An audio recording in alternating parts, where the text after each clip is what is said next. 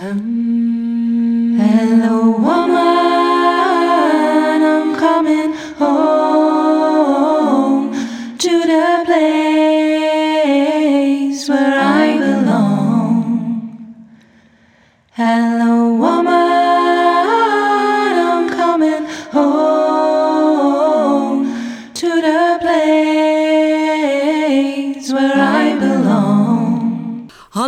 mensen, welkom bij een nieuwe aflevering van Hello Woman, de podcast. Vandaag in de studio Nina, moeder van drie kinderen, een ondernemersduizendpoot, auteur van drie boeken, waaronder een journal, podcastmaker en haar laatste kindje wat het levenslicht zag is het platform Mama'n. Een one-stop shop voor de vrouw die moeder wordt. Nina is in mijn ogen met haar werk een pionier op het gebied van het doorbreken van oude denkbeelden. Als het gaat om het moederschap, geboorte geven en de rol van de vrouw als moeder in de maatschappij. Meestal zit Nina aan de andere kant van de microfoon, maar vandaag mag ik de vragen stellen. Welkom lieve Nina, wat fijn dat je er bent. Yes, ik ben heel blij om er te zijn. Ja, en een keertje aan de andere kant. Klopt. En ik doe dit eigenlijk heel weinig. Mijn, mijn, nou goed, je, je hebt het voorgelezen of je hebt het net verteld. En tijd is toch spaarzaam als moeder, werkende moeder. Maar ja, wij kennen elkaar al een beetje en ik voel altijd al wel echt een connectie met jou. Dus ik ben heel benieuwd waar dit gesprek ons gaat leiden. Ja, en ik zei al dat ik het gesprek dus niet echt voorbereid. Anders dan dat ik dus in de voorbereiding, toen ik een beetje zo... Ik zat op jouw LinkedIn-profiel te kijken. Dacht ik, nou, die heb je echt Heel al outdated. jaren niet bijgewerkt. Klopt. Ehm, en dan zie je zo dat hele lijstje van alles wat je doet... en een beetje de carrière die je hebt gemaakt. Ehm, maar wat mij eh, opviel, is dat je dus zo aangetrokken wordt, jij als mens, naar het onderwerp het moederschap, geboorte geven, kinderen, de vrouw als moeder in de maatschappij. Hmm. Waar denk jij dat dat vandaan komt? Waarom ga jij zo aan op dit onderwerp? Ik wil hem op twee manieren beantwoorden, deze vraag. Allereerst, ehm, ik leef ja, voor wat ik voel en denk en wie ik ben op het moment. Dus mijn ondernemingen en wat ik doe, mijn, mijn functie in de maatschappij, mijn bijdrage aan de maatschappij, staat totaal in lijn met wie ik op dat moment ben. Ehm, en wat ik dus ook zelf ervaar. Dus ik ben nu nou, sinds zes jaar moeder. Dus zeven jaar ongeveer geleden begon het moederschap voor mij met mijn eerste zwangerschap. En toen ontdekte ik dat er dingen misten. En dan gaat mijn brein, inderdaad, mijn ondernemende brein gaat aan. En dan voel ik een urgentie om iets dan, ja, dat ik iets kan toevoegen aan de maatschappij. En als ik dat voel in combinatie met eh, iets, een onderwerp waar ik zelf heel veel affiniteit mee heb. Ja, dan, dan heb je me. Dan ga ik. Dan ga je aan. Maar, maar het, het tweede antwoord op die vraag, en dat is een proces waar ik eigenlijk het afgelopen jaar ja, ik ben nu 37 en ik ontdek dingen over mezelf die ik in de afgelopen 37 jaar misschien, of 37 jaar over heb gedaan, het afgelopen jaar in zo'n stroomversnelling is gekomen. En waar ik eigenlijk achter ben gekomen is dat ik een deel, een verklaring voor die drukte en al die dingen die ik doe, was denk ik ook een manier om weg te lopen bij, ja, mijn ware, ja, of dat wat ik aan moest kijken in mezelf en wat ik nog te doen had ehm, om bepaalde helingsprocessen in gang te zetten. Dus ergens voel ik nu dat alles wat ik deed, en zeg maar zoveel, dat dat ook niet helemaal misschien 100% mijn natuur is, maar ook een stukje overlevingsmechanisme. Ja.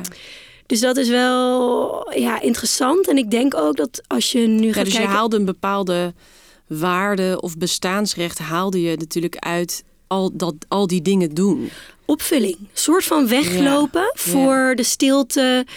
Het kan met allerlei dingen te maken hebben, maar bijvoorbeeld het verlies van mijn vader is een Ja. hele aanwijsbare.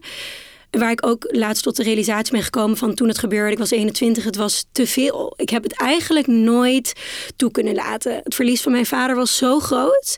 En ik voel nu ehm, dat ik wel die tools heb. Ja, en juist ook in een eh, periode waarin je natuurlijk onwijs gevormd wordt. Waarschijnlijk was je aan het studeren of je was net het huis uit. Klopt. Je bent onwijs bezig om jezelf een plek in de maatschappij te geven. Een plek in de wereld. En als de relatie met onze vader ergens voor staat, is het een plek in de Ja. wereld. En dan verlies je hem. Ja.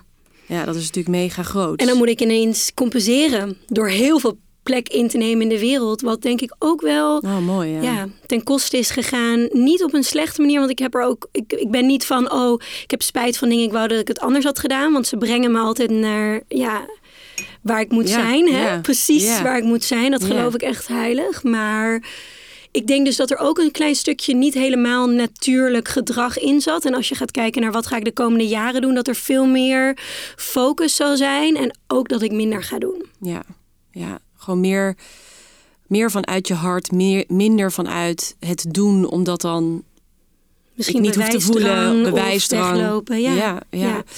En ehm, eh, vaak, hè, als dus we iets heftigs in ons leven meemaken, dan eh, spelen die overlevingsmechanismes extra op. Maar ik heb wel het idee, en ik weet ook, want je bent nu een journal, of je hebt een journal gemaakt wat gaat over de eerste duizend dagen als moeder. Ehm, we worden het meest gevormd in het, in het prille begin van ons leven. Ja. En Ja. kan jij dan ook bijvoorbeeld lijntjes terugzien van, oh ja, dus dat doen om niet te hoeven voelen, omdat het eigenlijk gewoon veel te groot was om te Mhm. processen. Of dus iets doen om het gevoel te hebben, dan heb ik een plek in deze wereld. Kan je dat ook terug herleiden aan hoe jij gevormd bent dan? Ja. Ja, oeh, ik, ga, ik, ik, ik, ik wil heel graag... Nou, oké, ik ga het gewoon zeggen. ik heb ehm, in december heb ik een hele mooie reis gemaakt. Ehm, met plantenmedicijn, dus met truffels, Ja. met, met paddo's. Onder begeleiding van een, een hele mooie partij, Spinoza heette ze. Voor het eerst in mijn leven psychedelica gebruikt. Ja, Ook tip, kijk de Netflix-docu How to Change Your Mind. Heb jij hem gezien? ja zeker. Waanzinnig interessant. Heel cool, heel waanzinnig interessant. Ook zeg maar de effecten van psychedelica. Ik Ja. weet niet hoe je het Ja, uitspreekt. psychedelics, ja. Psychedelics in ieder geval in het Engels. Eh, als rol in een therapie. En, en hoe het gewoon patroon in je brein, hoe je terug kan gaan naar bepaalde momenten. Hoe het toch kan helen. En nieuwe verbindingen in je hersenen aan kan maken. Dus eh, met deze partij Spinoza wordt het super onder begeleiding gedaan. Helemaal ook een psycholoog zit erbij. Nou, het was een hele bijzondere reis. Je neemt dan ook wel een hoge dosis heel bewust met een intentie zetten vooraf. Vooraf een workshop, achteraf een integratieworkshop. Dus het zit echt op persoonlijke ontwikkeling, persoonlijke transformatie. Ja, je gaat niet even, Je doet niet even, je gaat niet even een snoepreisje niet- maken, zeg nee, maar. Nee, precies. Het is niet, eh, ja, hoe noem je dat, voor de fun of it. Nee. Het is serious business. En, ehm, en toen heb ik, ja, eigenlijk de hele trip was vrij negatief op dat moment. Want ik was een soort naakt embryo. Ik lag naakt en ik was zo eenzaam. Ik was de eenzaamheid. Ik was, ik doorleefde hem, ik voelde hem. Het was, ik lag in het grote zwarte niets. Ik heb alleen maar gehuild. Maar eerst wist ik ook niet echt waarom. Dus de tranen kwamen gewoon. En de begeleiders die er waren, waren trouwens... Het was een women's only ceremony. Maar er waren drie vrouwelijke begeleiders en die liepen ook rond. En die zeiden achteraf, ik heb het gevoel dat ik naar je toe... Ik wilde eigenlijk naar je toe gaan, maar ik deed het niet. Iets hield me tegen. Dus het was echt iets waar ik ook zelf doorheen moest. Terwijl ik ook voelde in mijn trip, ik heb hulp nodig. Maar ik kon het niet vragen. En toen vertelde zij later, een van die begeleiders zei vaak als we in zo'n trip heel erg emotioneel zijn en niet weten waar het vandaan komt, dan kan het zijn dat je terug bent gegaan naar toen je in de baarmoeder zat. En toen dacht ik, oh, nou oké, ja, ik heb nooit echt van mijn moeder begrepen dat er iets was, maar ik ga het natuurlijk aan haar vragen. Dus toen die week hebben we een gesprek gehad erover. En toen raakte zij meteen geëmotioneerd, want er was blijkbaar wel iets gebeurd waardoor zij zich enorm in de steek gelaten voelde door mijn vader. Al niet eens heel bewust tijdens de zwangerschap, maar ook toen ik drie maanden was. En dat zij zich eigenlijk heel erg alleen heeft gevoeld. Oh. Daarin en machteloos. En ja, dat was zo mooi. He- een helend gesprek ook tussen mij en mijn moeder. Ja, snap ik. Maar ook, ja, voor mij vielen er ook wel heel veel dingen op hun plek. En ook mijn, mijn overlevingskopingsmechanisme is pleasen. En opgaan in een ander. Eigenlijk het gevoel en de wens van een ander overnemen, waardoor ik mezelf niet meer voel. En dat komt voort uit die angst om alleen te zijn. Ja. En dat heeft zich later in mijn leven ook nog steeds in relaties afgespeeld. Dus Ja. ja. Interessant. En weet je waar ik ook bijna aan moet denken? Als je dat zo zegt van in het grote niets.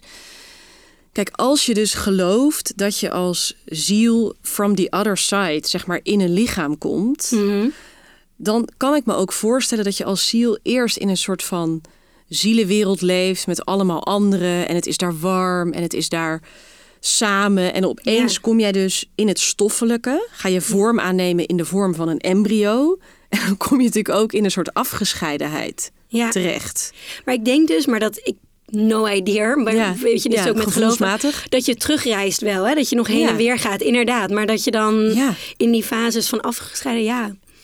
Ja, en dan tegelijk als je dat weer vergelijkt met als je op de wereld komt, dan is dat juist die veilige omgeving en geen lijden. Weet je, je hebt nooit honger, alles is in het nu. Klopt. Dus dan is dat weer de fijnere plek ten opzichte van. Nou ja, we, we, we gaan natuurlijk die imprints.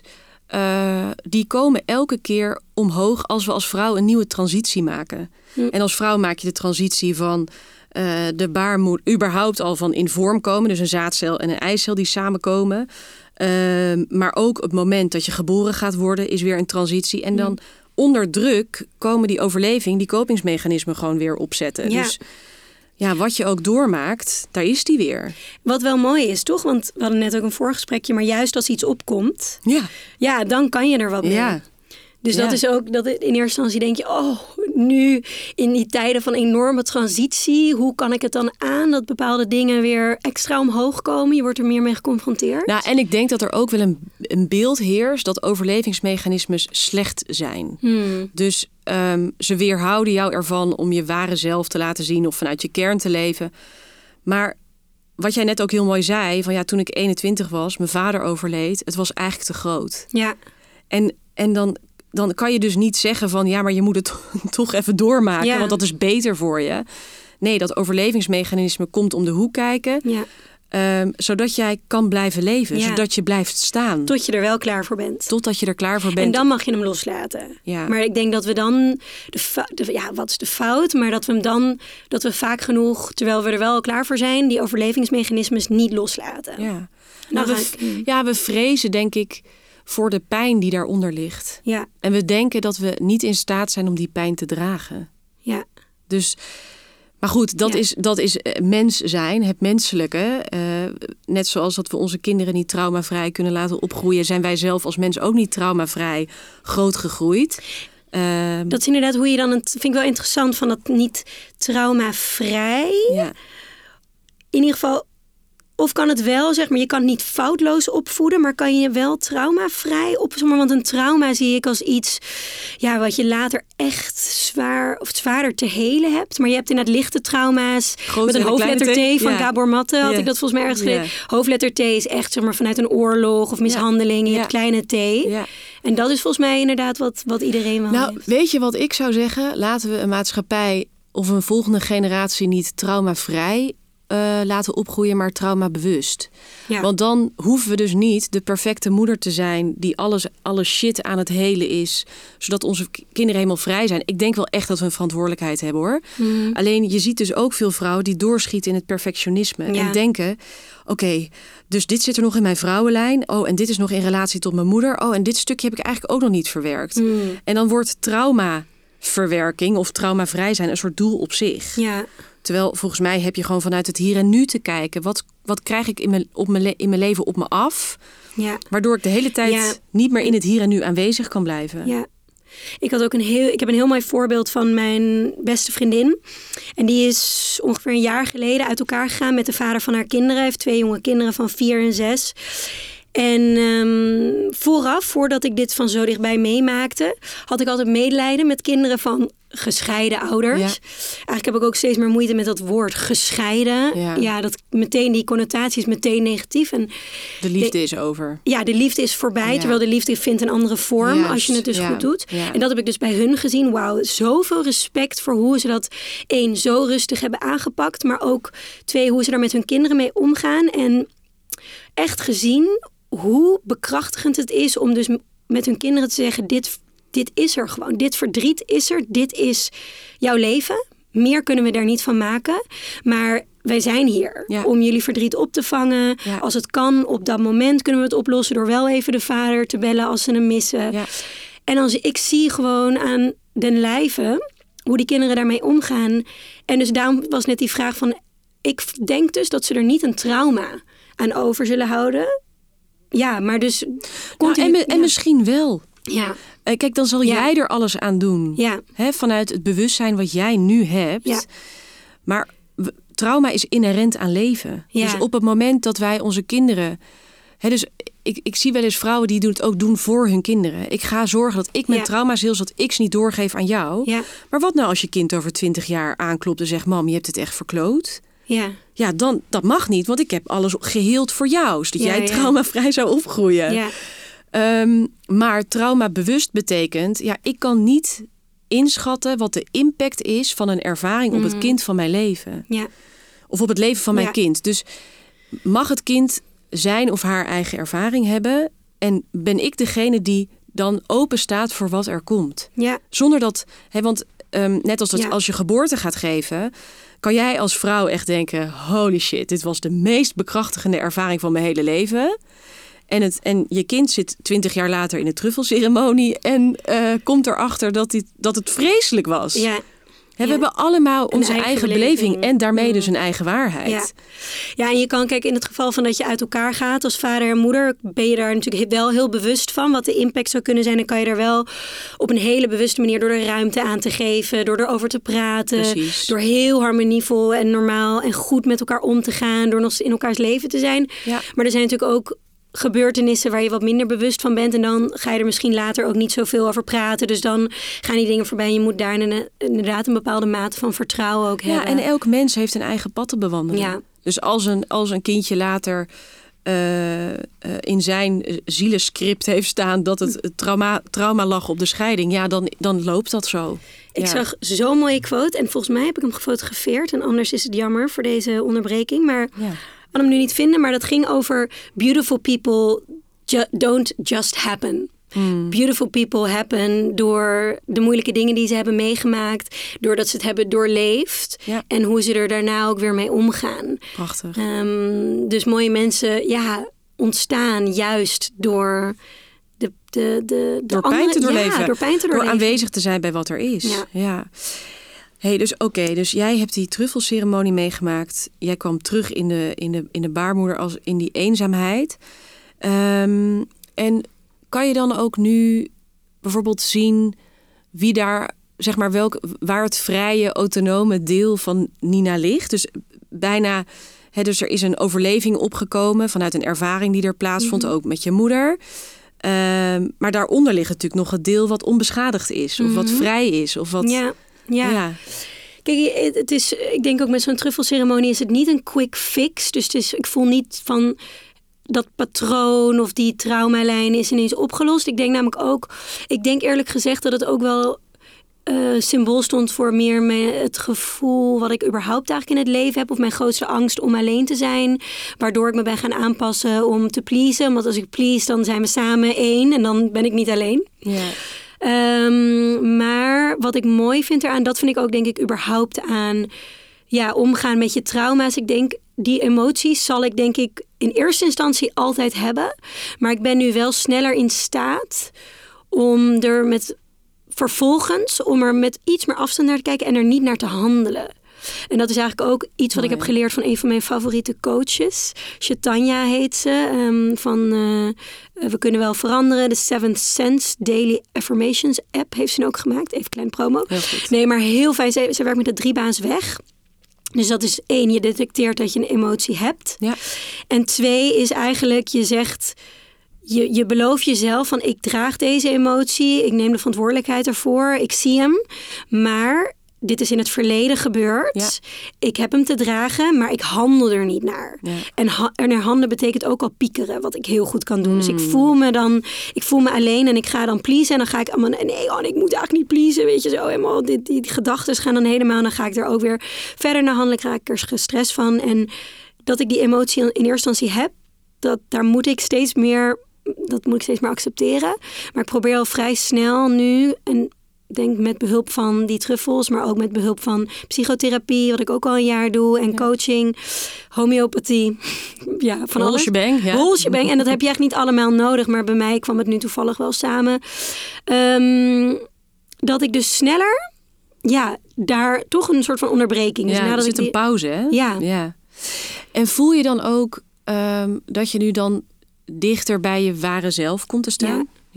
Ik voel sowieso het afgelopen jaar heb ik eigenlijk pas het gevoel dat ik ja dat innerlijk weten, Mhm. dat ja, waar er echt een soort van rotsvast vertrouwen in mezelf zit en ook zelfliefde, Mhm. ehm, dat dat wel steeds meer ruimte krijgt. Dat is prachtig. Ja, Ja, ja dat ik is zo fijn. kippenvel als je dat zegt. Ik ben zo onzeker. Toch, de- heel veel mensen denken van, oh Nina, die, is- weet je, die, doet, die doet gewoon en dat doe ik ook. Hè? Ik bedoel, ik heb heel erg mijn angst. Mijn moeder zegt altijd, ik ben, ehm, ik moet goed zeggen, knorretje van Winnie de Pooh Oh, ja. in tiggerkleren. Oh ja. Dus zeg maar, weet je, wam, wam, van de buitenwereld. En juist heel erg op mezelf op een podium plaatsen en allerlei dingen doen. Maar van binnen heb ik nog heel erg dat alles is eigenlijk spannend en onzeker. En merk dat dat, ja, dat knorretje in mij, dat die langzaam wel, dat er een tussenvorm begint plaats te vinden. Ja, alsof de soort, alsof knorretje nog, die hoeft niet weg, die zit onder de arm, maar alsof er meer volwassenheid, meer integratie of zo vanuit een ander deel. Ja, misschien door meer te accepteren, door knorretje te zien voor wie ja, ze is. ja, maar niet de overhand te laten nemen. Nee. Niet, niet, en Nee. ook niet dus harder te gaan schreeuwen om maar dat te bedekken. Dat- Ja. Of groter te, voor te doen aan de buitenkant dan, dan dat Ja. je voelt. Ik ben ook iets heel, heel moois nog in, wat, wat bij mij heel erg heeft geholpen, was met mijn psycholoog. Met wie ik nu sinds een jaar wel redelijk regelmatig spreek. Zijn we ook een keer een soort van regressietherapie Ja. hebben gedaan. En toen zijn we teruggegaan naar twee momenten in mijn jeugd. Die voor mij dus wel een impact hebben gemaakt. En toen ben ik dus als volwassen Nina naar die scène gegaan. Heb de driejarige Nina opgepakt. Meegenomen. Een arm. Ja, en, en dingen gezegd tegen haar. Prachtig. Ja, dat zo, was zo krachtig. Er kwamen ook zoveel emoties bij los. Ja. Maar dat kan ik ook, als je echt voelt, van je weet niet waar bepaalde dingen vandaan komen, is dat zo'n mooie vorm. Ja, en dan ga je natuurlijk ook stoppen dat dat, dat, dat driejarige meisje, zeg maar, van alles gaat doen om wel liefde en bevestiging te krijgen van de buitenwereld. Als je die dus soort van uit jezelf kan gaan halen. Dus jij hebt haar die liefde en steun en support en gezienheid gegeven. In plaats van ik ga proberen dat aan de buitenkant ergens te verkrijgen door harder te werken of eh, Ja. meer van mezelf te laten zien. Of dat is natuurlijk zo mooi. Dan wordt het opeens ja, van jou en in jou. Ja, Ja. ik vraag me alleen wel soms af van, mm, waar het ook bij mij vandaan komt, van is het ooit goed? Zeg maar, weet Ja. je, soms moet je ook ervoor waken van het kan altijd weer beter, nog meer graven. Waar komen dingen vandaan? Begrijpen. Maar ja, je, je moet wel een soort van denken: oké, is het dan op een gegeven moment even weer goed zo? ja, eens. Toch? Ja, Heb jij dat niet? Ook dat je dan altijd wel weer. Er is altijd wel weer iets te ontdekken. Zeker. Ik, zie, ik maak gewoon het onderscheid tussen is iets een incident of zit ik echt weer in een patroon. Dus weet je wel, als je getriggerd wordt aan de buitenkant, dus ik krijg iets op me af en denk wow, dit raakt, me, dit raakt mij. Dan laat ik hem even zitten. Maar als ik hem daarna nog twee keer tegenkom, dan ga ik er iets mee doen. Ja. Dan, dan zit ik weer in. Ja, geen haast gewoon. Nee, geen haast, maar dan zit ik dus wel weer in iets vast. Of ehm, kijk, en wat jij ook zal merken, en wat ik zelf dus ook heel erg merk, is hoe meer bewustzijn je schijnt op die gewonde delen, op die Mhm. gewonde kindsdelen, betekent niet altijd dat ze verdwijnen, maar betekent wel eh, dat je het gewoon best wel snel ziet. Mhm, ja, precies. En als je het heel snel ziet, heb je ook een vaak niet altijd de manier om het door, te doorvoelen of te fixen of wat dan ook. Maar dat komt dan meestal best wel snel. Dus kijk, als je helemaal aan het begin, als je nog niet eens weet dat je een knorretje hebt, zeg maar, of een Mhm. innerlijk kind, ja, dan kan het in het begin gewoon best wel rauw en pijnlijk zijn. Ja. Ehm, maar mijn beleving is, hoe dieper je in die spiraal van zelfontwikkeling zit, Mhm. hoe dieper het, hoe dieper, hoe even meer pijn het doet, maar ook hoe snel je weer het rondje maakt. Mm. En er weer ademruimte is en je Ja. weer lucht voelt. En, Ja. Dus ja, ik, en, en ik denk dat, eh, dat we wel een beetje in een maatschappij leven die nu zo aanstuurt op dat er zoveel te. Ik bedoel, je Ja. wordt doodgegooid Ja. met, Daarom. met, met dus dat, van alles wat je kan doen. Ja. Maar leef je dan nog wel, wel in het hier en nu? Of ben je constant bezig om. Ik denk ook in ieder geval. Ik denk dus waar die, die fases van transformatie, die riete passages eh, in, in ons leven, dat die, of als er iets gebeurt, het, eh, het eh, overlijden van een dierbare, of het uit elkaar gaan van twee mensen, of plotseling ontslagen worden, dat dat toch wel ook momenten zijn, even los van dat je even helemaal in die emotie van het van de ervaring zelf moet zitten, maar dat dat ook wel weer kansen zijn van persoonlijke groei. 100 procent. En dat je dan wel dat het fijn is om die tussenposes ook te hebben van oké, nu ga ik gewoon zijn. Ik weet nog zo goed toen ik mijn boek aan het schrijven was dat iemand tegen mij zei: Maar ik ben zwanger, moet ik dan ook nog aan mezelf Ja, werken? ja, Ik zo, juist. Ja, Juist, je ligt open. Ja. Er is zo dingen komen naar de oppervlakte. er valt zoveel te halen. Ja. Want ehm, kan je iets vertellen over dat nieuwe journal? Daar ben ik eigenlijk wel benieuwd naar. Want Ja, dat, dat sluit ja. daar ook heel erg op aan. Klopt, klopt. Dus ik heb zelf ook gemerkt tijdens mijn zwangerschappen, ehm, maar ook het afgelopen jaar, waarin ik ook allerlei transformaties van persoonlijke ontwikkeling ben onder, ja, doorgaan, dat schrijven is zo fijn. Ja. Gewoon voor jezelf. Ik heb al meerdere journals, maar wel met lege pagina's dan volgeschreven. Kijk, ik ben een schrijver, dus voor mij komt schrijven makkelijk. Ja. Maar ehm, schrijven is helend. Als jij alleen als je denkt, oh, waar zou ik nou over schrijven? Je gaat zitten en of je hebt een zware emotie en ik ging erover schrijven, dan lost het op de een of andere manier op. Veel meer. En ik weet niet hoe dat werkt in je brein, maar je schrijft het letterlijk van je af. Je kan dingen ook beter in context plaatsen. Dus ik ben heel erg fan van schrijven aan zich. Ik bedoel eigenlijk Ja. Altijd, vrijwel altijd kan ik dat aanraden. Maar zeker tijdens je zwangerschap, wanneer je wat je net ook zegt, je ligt zo open, er is zoveel gaande. Dus om dat een beetje duiding te geven, Ja. kan enorm fijn zijn. En het kan natuurlijk ook weer helpen om vooraf bepaalde verwachtingen die je hebt van de zwangerschap of van het moederschap op te schrijven. Om later weer teleurstellingen te voorkomen. Dat je je bewuster bent ook van gedachtenpatronen. Maar goed, dus zo ontstond ook het idee van die journal. En die journal is dus een duizend dagen journal. Dus het is van conceptie, in principe van conceptie tot de tweede verjaardag van je kind. Ja.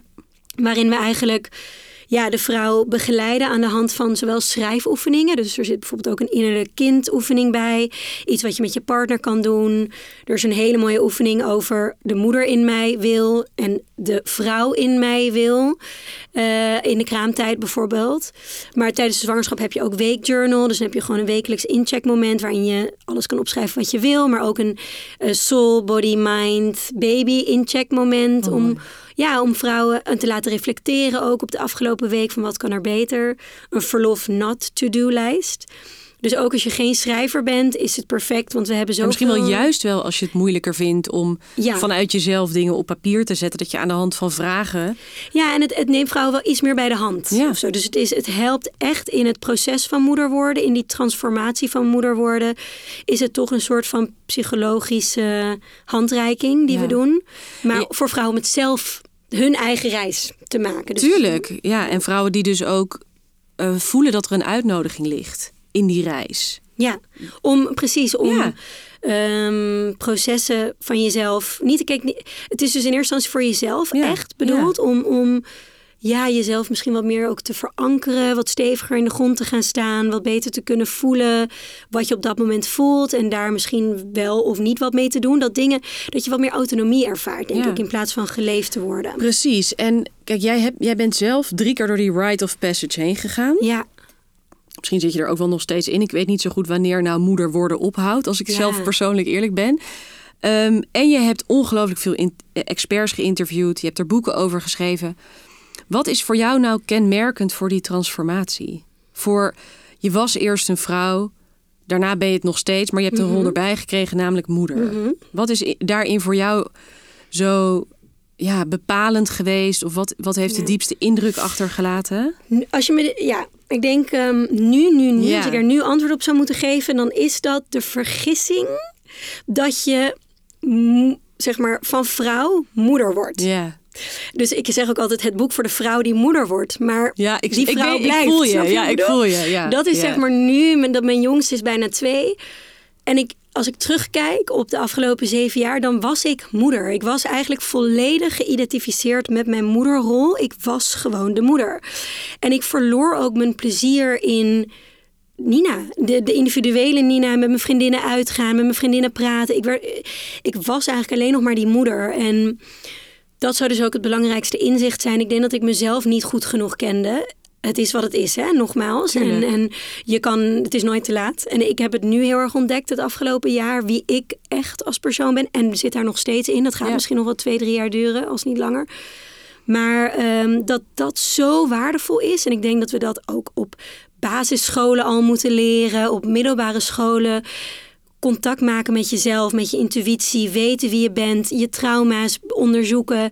Ja, toch daar veel bewuster mee omgaan voordat je aan een kind begint. Ja. Ik ben gewoon gegaan, geen idee. En toen ben ik gewoon totaal in mijn moederrol gegaan en het, ik heb het overleefd. En daardoor ben ik extra trots op mezelf dat ik dat, of overleefd, maar dat klinkt meteen zo drastisch, maar Ja, ja, ja. I did it op de best mogelijke manier. Maar nu vind ik daarin een veel betere balans. En dat maakt me ook meteen een betere moeder.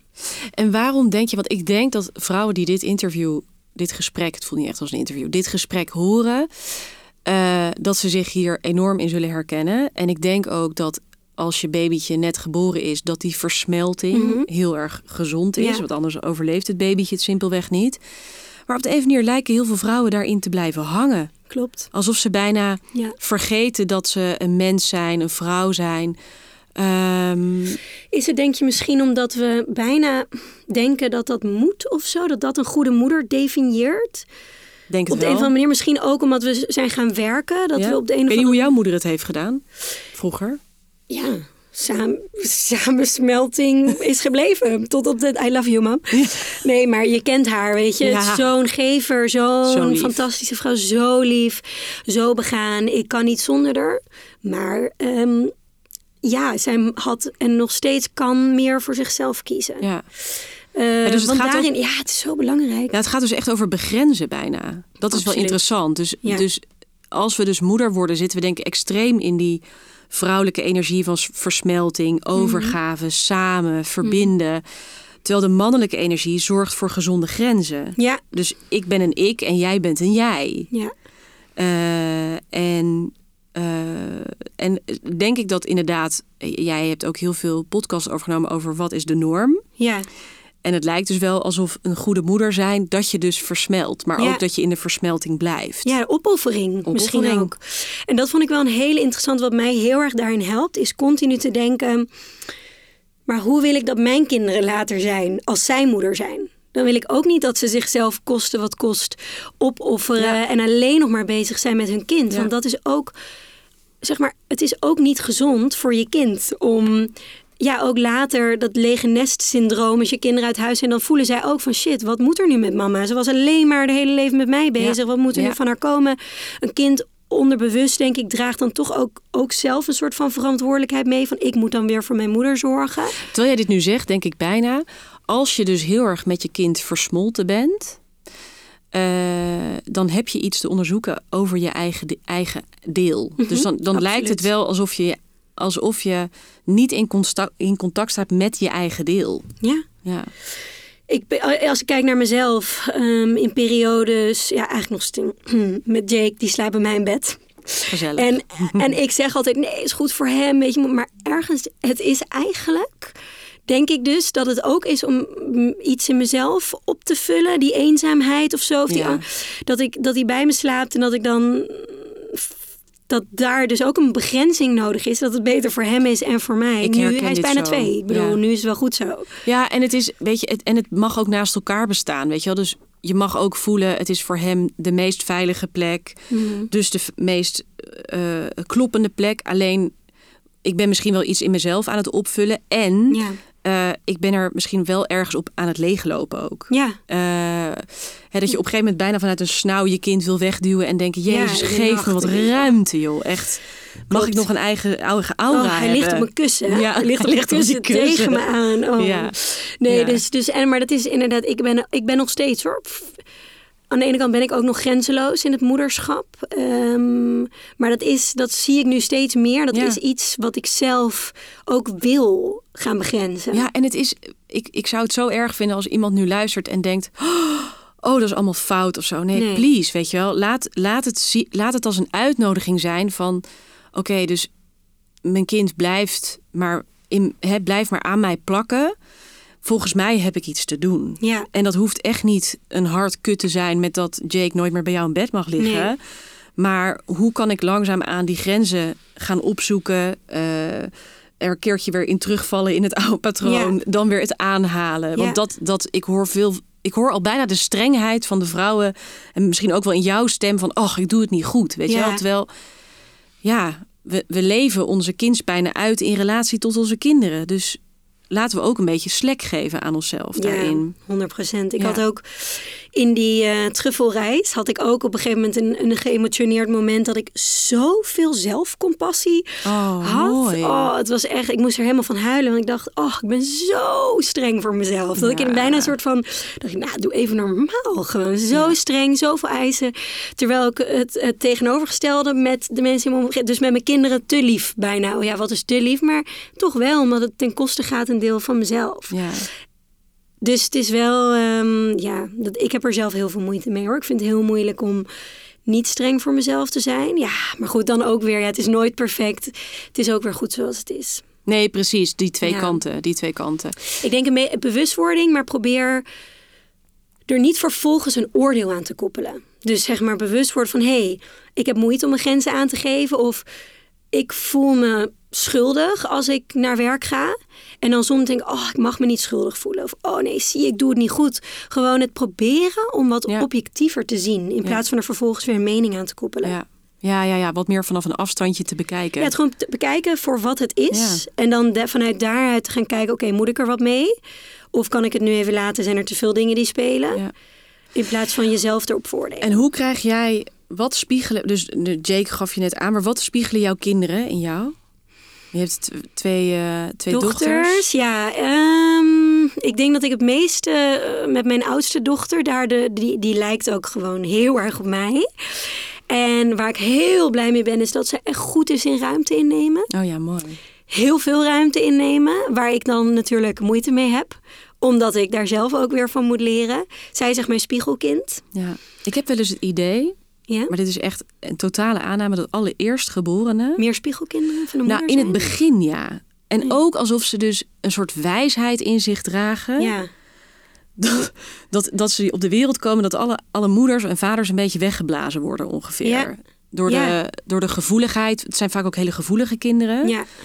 En in die gevoeligheid ligt natuurlijk omdat wij als kinderen veel hebben moeten onderdrukken. Hè, onze, met sterke wil. Gevoelige kinderen met sterke wil, toch? Ja. Ja, gevoelige kinderen Ja, met sterke ja. wil. Ja. ja en, dat, en dat die dus alsof ze op aarde komen om ons, eh, om ons aan de ene kant dus meer ruimte te laten innemen, maar ook meer te mogen voelen.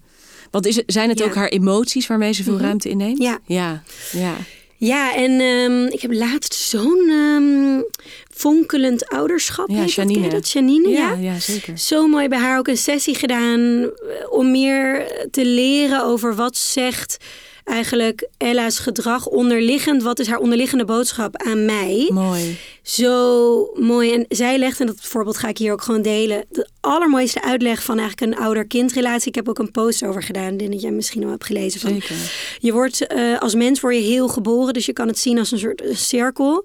En daarin zitten allemaal zaadjes van potentie, karaktereigenschappen. En jouw eigen ouders en in het leven wat je leidt en de ervaringen die je hebt, worden bepaalde zaadjes, krijgen voeding en krijgen Ja. water. En die gaan groeien en bloeien tot mooie bomen, sterke, stevige bomen, mooie bloemen. Maar je hebt ook zaadjes die niet, überhaupt niet gezien worden. Of gezien worden, maar niet geaccepteerd worden. In het geval van als je bijvoorbeeld homoseksueel bent en dat wordt niet geaccepteerd door je ouders. Nou, dus je creëert eigenlijk een schaduwkant ook. Een geziene kant en een schaduwkant. Vervolgens kun je krijg je een kind. Dat kind wordt ook heel geboren. En onbewust, dit is even mijn vrije vertaling trouwens van haar uitleg. Maar ehm, dat kind wil onbewust eigenlijk. Nee, dat kind ziet zijn of haar ouder als een heel persoon. Dus die ziet ook zonder oordeel de schaduwkanten. En die wil dus eigenlijk een soort van onbewust de ouder heel weer maken. Dus dat kind gaat, wat gaat er gebeuren om heel te maken, moet licht schijnen op die schaduwkanten. Gaat drukken op de knoppen die wij eigenlijk niet willen zien Nee. of al lang niet meer hebben gezien. Ja. Totdat wij ja, uiteindelijk weer heel worden. Ja. Het is gewoon zo'n mooie Prachtig dynamiek. Ja. En ook sinds ik dat besef heb, is ook het uitdagende gedrag, zie ik dus ook nog, is nog steeds uitdagend. Maar ik zie het dus als iets wat mij ook weer dingen kan leren en Ja. kan helpen. Eigenlijk als een soort teamwork. Ja. Dus ook als, zij, als mijn kinderen uitdagend gedrag vertonen, dat we daar als team mee aan de slag gaan. ja, ik zie het echt als dat, dat energie trekt energie aan. Dus de energie van mijn kind trekt aan op mijn energie. En daarin ligt dus een boodschap verscholen. Ja, 100%. En ehm, Ik weet niet zeker of we heel, heel geboren worden. Sommige kinderen worden Ja. denk ik geboren en liggen al helemaal uit elkaar. Ja, Simpelweg omdat ze zich moesten aanpassen. Maar in principe zit er in onszelf ook een heel compleet af deel. Mhm. Hè, met al onze talenten en onze vrije autonome kant. Ja, Eh, en raken, en dat vind ik wel echt mooi, raakt er veel in de schaduw. En als je moeder wordt, als je kinderen opgroeien, ja, die kinderen gaan, die willen contact hebben met dat autonome Ja. vrije deel in jou. Misschien is het inderdaad ook niet heel het goede woord, zit ik nu te denken, maar compleet of zo. Zeg maar, je- ja, ja. Het is wat het is, zeg maar, de negatieve en de positieve dingen. Daar zit geen oordeel op. Je bent gewoon compleet, volledig geaccepteerd. Maar zonder dat je daar heel erg bewustzijn op hebt. Maar dan komt er een scheidslijn tussen. Oké, dit is ja, een ja Ja. ik tegen en dit is een nee. Precies. En dat mag, eigenlijk mogen ook tegen die dingen waar nee tegen wordt, mag ook een ja. Dat is ook een, een onderdeel van jou wat erkend mag worden. Ja. Dat is het misschien. Ik vind het wel mooi, want ik vroeg jou net van, eh, van al die mensen die je hebt gesproken en het moeder worden eh, zelf, wat je drie Mhm. keer hebt mogen meemaken, eh, is eigenlijk jouw grootste lering dat je dus zelf nog een mens bent. Ja. Dat je zelf nog een vrouw Ja. bent. In plaats van dat ik alleen maar moeder. dat moeder de enige zijn rol is een rol is, Ja. zeg maar. En de wilde vrouw die uit wil gaan en wil feesten, dat is ook een deel in mij. Het zijn allemaal delen en daarachter ligt die wijze vrouw of Ja. zo. Die, de, Ja. ja, die, die zonder oordeel en niet dat die strenge Nina is ook een deel in mij. De vrouw van iemand is ook. Dus het zijn meer rollen in plaats van echt volledige identificatie ermee. Ja. En dan kan je dat ook meer lostrekken en ook beter misschien voelen wat ik wil en wat ik nodig heb. Ja. En wat zie je daarin dan om jou heen? Je hebt ontzettend veel vrouwen die jou volgen, Ja. eh, die het boek Mama en lezen, die de geboortebundel lezen, die op het platform. Kijk, wat zie jij daarin ook bijna gebeuren? Dus die zullen ook hiermee te maken krijgen. Hè? Wat voor Mhm. vragen krijg jij op je af? Of Ik moet zeggen dat zeg maar, het inzicht van die moederrol-identificatie, volledige opgaan in de moederschap, daar heb ik eigenlijk nog niet heel veel over gedeeld. Nee. Het is denk ik ook iets wat de komende jaren weer, oké, dit is wat, iets wat ik zelf heb meegemaakt, dus nu ben ik klaar Ja, om het let's te go, gaan, ja. delen met de wereld. ja, En voorheen zat het er meer in. eh, ik denk wel, wat ik natuurlijk heel veel terugkrijg, is doordat vrouwen educatie hebben, eigenlijk gewoon informatie tot zich nemen die ik met de wereld deel. Dus ik probeer daarin zo min mogelijk ook zelf een oordeel te hebben, maar gewoon te zeggen, ja. Ik vind gewoon dat vrouwen, ik ben niet pro-thuisbevalling, maar ik vind wel dat vrouwen gewoon de juiste info en feiten moeten weten. Dat een thuisbevalling namelijk even veilig is als een ziekenhuisbevalling voor gezonde zwangere vrouwen. En dan een keuze maken. Dus dan kunnen ze een keuze maken vanuit zichzelf. Niet één gebaseerd op wat Nee. een maatschappij of cultuur denkt of vanuit angst, maar vanuit zichzelf. Dus daarmee natuurlijk door educatie en vrouwen op een dienblijk te presenteren, help ik ze natuurlijk wel om dicht bij zichzelf te blijven. Ehm, maar het gaat natuurlijk ook, die mama en tot nu toe is heel erg over die transitie gegaan. Dus dan, ik, wat je net ook zegt, in die eerste maanden, eerste jaar, misschien eerste twee jaar ben je nog veel meer versmolten met je kind. Ik hoort ook, ja. In heel veel landen heb je nog verlof het eerste hele jaar. Dus dat is ook, ben je gewoon heel veel samen. Maar dus dat, dat loskoppelen daarvan, ik denk ook dat je daar niet te veel mee bezig moet zijn in die fase van zwanger zijn. En ik denk tijdens je zwangerschap dat je er wel misschien al wat meer over na kan denken van, oké, maar wat wil ik nu echt? Die vraag heeft me heel erg geholpen van mijn coach. Die zei, ja. Stel, die zelf, stel jezelf die vraag zo vaak mogelijk, maar wat wil ik nu echt? ja. Niet wat wil mijn man, wat wil mijn moeder, wat wil de maatschappij, wat wil mijn kind, maar wat wil ik nu echt? Ja. En daarmee zitten en daarover nadenken. Het is ook mooi als je, als je het hebt over schrijven ook. Dat, je schrijft die vraag maar eens voor jezelf op. Wat wil ik nu echt? En dan schrijf je iets op en dan zeg je daaronder, maar wat wil ik nu echt? Want Ja. vaak ligt die echt verscholen, Dieper. ligt Ja. die dieper. Ja. Ehm, Ik heb net trouwens je vraag niet helemaal beantwoord van wat, wat, wat ik dan terughoor van vrouwen. Maar dat gaat dus niet per se over mijn grootste learning van het vrouw Nee. zijn. Maar wel heel erg over dat je geen controle hebt over hoe de dingen lopen. Dat is eigenlijk degene die ik het meeste terughoor. Van, oh, het liep anders dan ik dacht. Of het ging wel precies zoals ik hoopte. Weet je dat ook?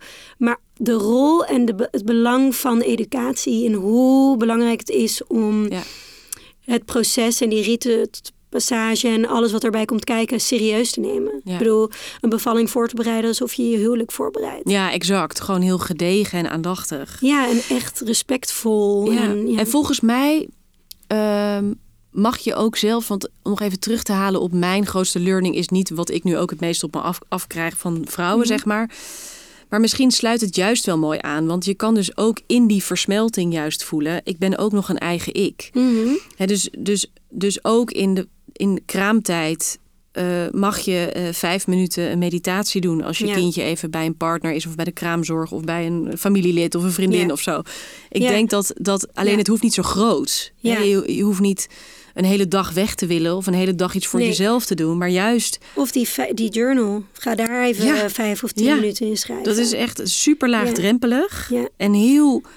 Het is een incheckmoment met jezelf. Het is zo waardevol. Ja. En ik, en ik geloof Extreem. ook dat juist onze kinderen voorleven dat we een eigen ik zijn. Ik, ik zie het bijvoorbeeld ook in dat ik dan tegen mijn kinderen zeg: Ja, mama gaat nu werken. Denk Oh ja. ik: Nee, ik Ja, ga nu werken. klopt. Dat is echt een advies. Ik heb Nee, het in die derde persoon zit ik te Ja, praten. maar dat schijnt helemaal ook niet goed te zijn voor kinderen. Ik had Nee. het ook gehoord van, want daarmee koppel je, eh, zet je een afstand of zo tussen je. Je moet echt, dat heb ik ergens in een boek gelezen, Ja. misschien in die van Philippa Perry. Van Oh ja, dat zou heel het goed boek kunnen. dat je wilde dat je ouders van praat altijd met je kind in de ik-vorm. Ze praten met jou. Weet Ja. je, ik ben nu bla bla bla. Het is ook bijvoorbeeld over je partner. Dus dat ik niet zeg: Ja, papa gaat zo. da, da, da, da. Nee, Harm gaat zo meteen. oh ja, die heb je nog niet toegepast. Ja, want dan, is er inderdaad. natuurlijk, Ja. want dan is er ook nog een relatie tussen mij en hem. Ja, Anders dan alleen maar dat hij ja, maar papa als je is. met je kind praat in de context van dat het hun papa is. Van papa gaat jou straks ophalen van school. Is het dan niet goed? Ik snap zeg maar als ik zeg, Oh, dat Job zeg en ik- ik gaan met elkaar uit eten of zo. Ja, nee, maar dat zeg ik het denk ik wel. Ja, dan zeg ik het denk wel gewoon papa. ja, want het is hun papa en je ja, praat tegen hun. Ja, nee, maar- jawel. Als het in de context van hun is, dan wel. Maar inderdaad, als we samen iets gaan doen... of, eh, of als ik bijvoorbeeld, als we aan tafel zitten... en ik van, wil je mij het zout aangeven, wijze van spreken... dan, als, dan kan ik best wel makkelijk zeggen... papa, geef het bij, bij Oh, wijze ja, van spreken. ja, ja. Bij- Dat ik denk, oh mijn god, weet je wel... Dat- Ja, het is wel grappig. Jake, ja, eigenlijk wel heel grappig, ik besef het me nu. Die noemt mij dus mama Nina. Oh, echt? Ja, Oh. maar misschien omdat ik mezelf zo bezig nu natuurlijk met die twee. Ja, hij dan- heeft jou natuurlijk het meest meegemaakt in die, in die twee rollen. Niet Ja. alleen maar in de mama, maar ook in de. Nina-rol. Wel grappig, ja. Ja, dus mama, mama Nina. Nina. Ja, en Job zit tijd... Het is wel grappig, want Job zit tegen hem zeggen... Nee, het is mama, nee, het is mama, nee, het is mama. En soms heb ik ook wel die gesprekken ook met Job gehad... van dat in een relatie is het ook heel belangrijk... dat je elkaar niet alleen maar nog voor de rol van vader of moeder ziet... maar Nee. ook voor, ja... De ondernemer. Ja, de- of gewoon vrouw van, Ja, of man ja. van je partner. Dus het is wel grappig dat hij dan zegt tegen Jake... nee, je moet eigenlijk mama zeggen. Maar mama Nina is eigenlijk helemaal niet zo verkeerd. Best een leuke laten, combinatie. Ja. Best een leuke combinatie. Ik heb het idee dat jij eh, ook ongelooflijk geïnspireerd bent geraakt door ehm Dr. Shefali. Klopt. Ja? Ja. En ik heb ook begrepen dat je er gaat interviewen. Ja. Wat, Ja. wat, wat ga je haar vragen? Oeh, is een hele goede vraag. Nou, ehm, ja, want zij, zij heeft een boek Radicaal Ontwaken geschreven. Maar ook de Conscious Parent, ook een Klopt. aanrader. Ook een aanrader. Is die niet ook al in Nederlands? Nee, nee hè? ik ken hem alleen in het. Engels. Ik ken hem, Ja, want nee, er komt, oh my god, er komt een nieuw boek van haar uit. The Roadmap to Parenting of zo, Ja, moet ik even goed zeggen. klopt. Ja. Een heel praktisch boek over, ja, ik kan niet wachten om, ik heb eigenlijk, ik mag nu een exemplaar lezen omdat ik haar ga interviewen. Oh, ja. Dus ik ga haar zeker vragen stellen over, ik denk echt inderdaad over vrouw zijn en blijven. En dan dat combineren met je rol als moeder. Ja. Ik denk dat we misschien helemaal dat onderwerp gaan Ja. coveren. Maar ook, kijk, in haar boek Radicaal Ontwaken schrijft ze ook heel erg over de verwachtingen van de maatschappij. En hoe we eigenlijk allemaal worden opgevoed als the good girl en leren aanpassen. En hoe je daar ook van kan losbreken. Een andere manier van naar relaties kijken. Ze heeft zoveel bevrijdende inzichten dat je in ieder geval weet: oké, dit alternatief is er. Ik hoef me niet vast te voelen. Ik mag mijn eigen weg bewandelen in het leven.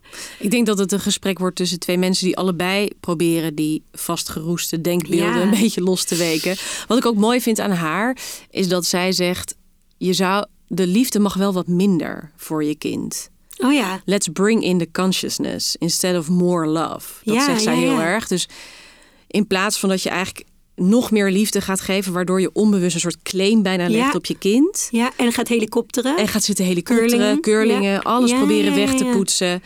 Eh, kijk eens of je er meer bewustzijn naartoe kan brengen. En ehm, ik, ik had het hier laatst met iemand over en die, die voelde zich wel echt een beetje belazerd. Want die dacht, ja, ik ben toch alleen maar meer... En no- mijn liefde groeit Mm. alleen maar voor mijn kind. En ik moet nog meer doen voor mijn kind. En Ja, dus ik hoop ook dat je, dat je dat stukje van haar. Ik weet niet, ik vind dat zo'n interessant stukje, want het is eigenlijk. Schuurt het een beetje Mhm. tegen wat we denken dat we moeten zijn. Namelijk Ja. nog meer liefde geven. Ik denk dat ik misschien geven. aan een voorbeeld, maar dan moet je zeggen of ik het dan Ja. begrijp. Dat je zeg maar, ehm, eigenlijk heeft het te maken met dat je wil dat je kind nooit verdrietig is. Bijvoorbeeld. Bijvoorbeeld, het kind heeft pijn en wij zijn geneigd om meteen te troosten en het liefst of met een speen of af te leiden met een snoepje, want dan neemt het verdriet weg. Ja. En dat heb ik ooit geleerd in het boek De Taal van het Huilen van Aletta Solter.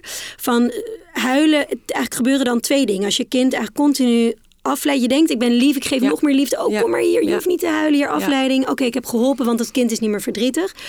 Leer je eigenlijk from, from the start te internaliseren, oké, als ik een verdrietige of boze emotie heb, dan moet het opgelost Ja. worden. Zo snel mogelijk.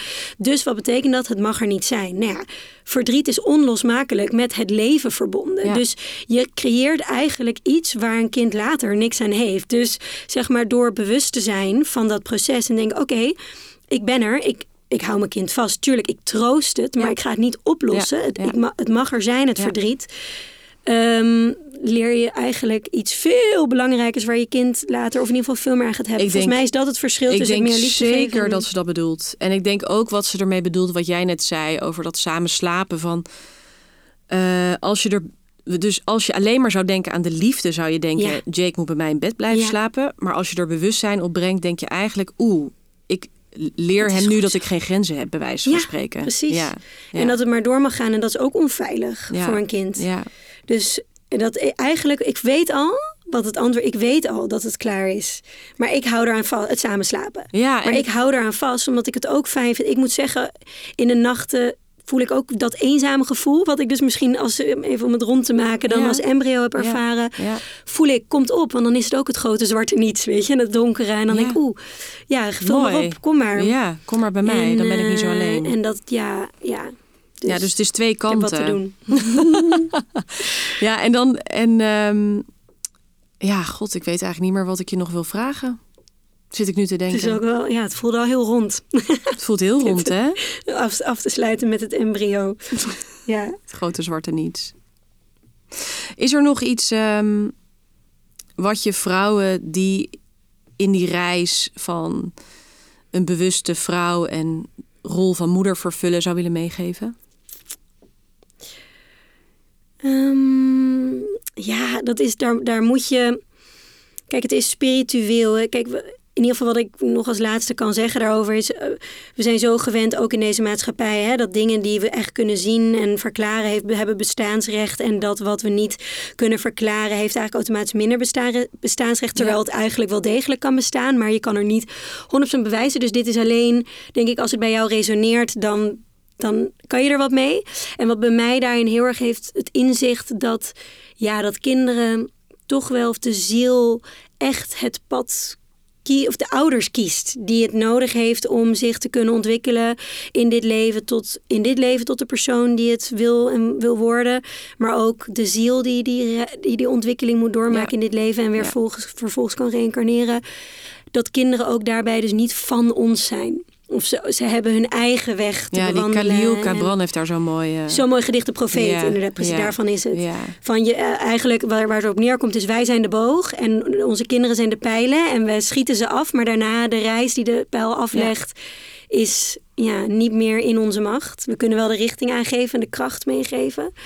Dus daarin ook een stukje sit back en trust. Oh ja, mooi. Ja, En zelf zijn we natuurlijk ook zo'n pijl.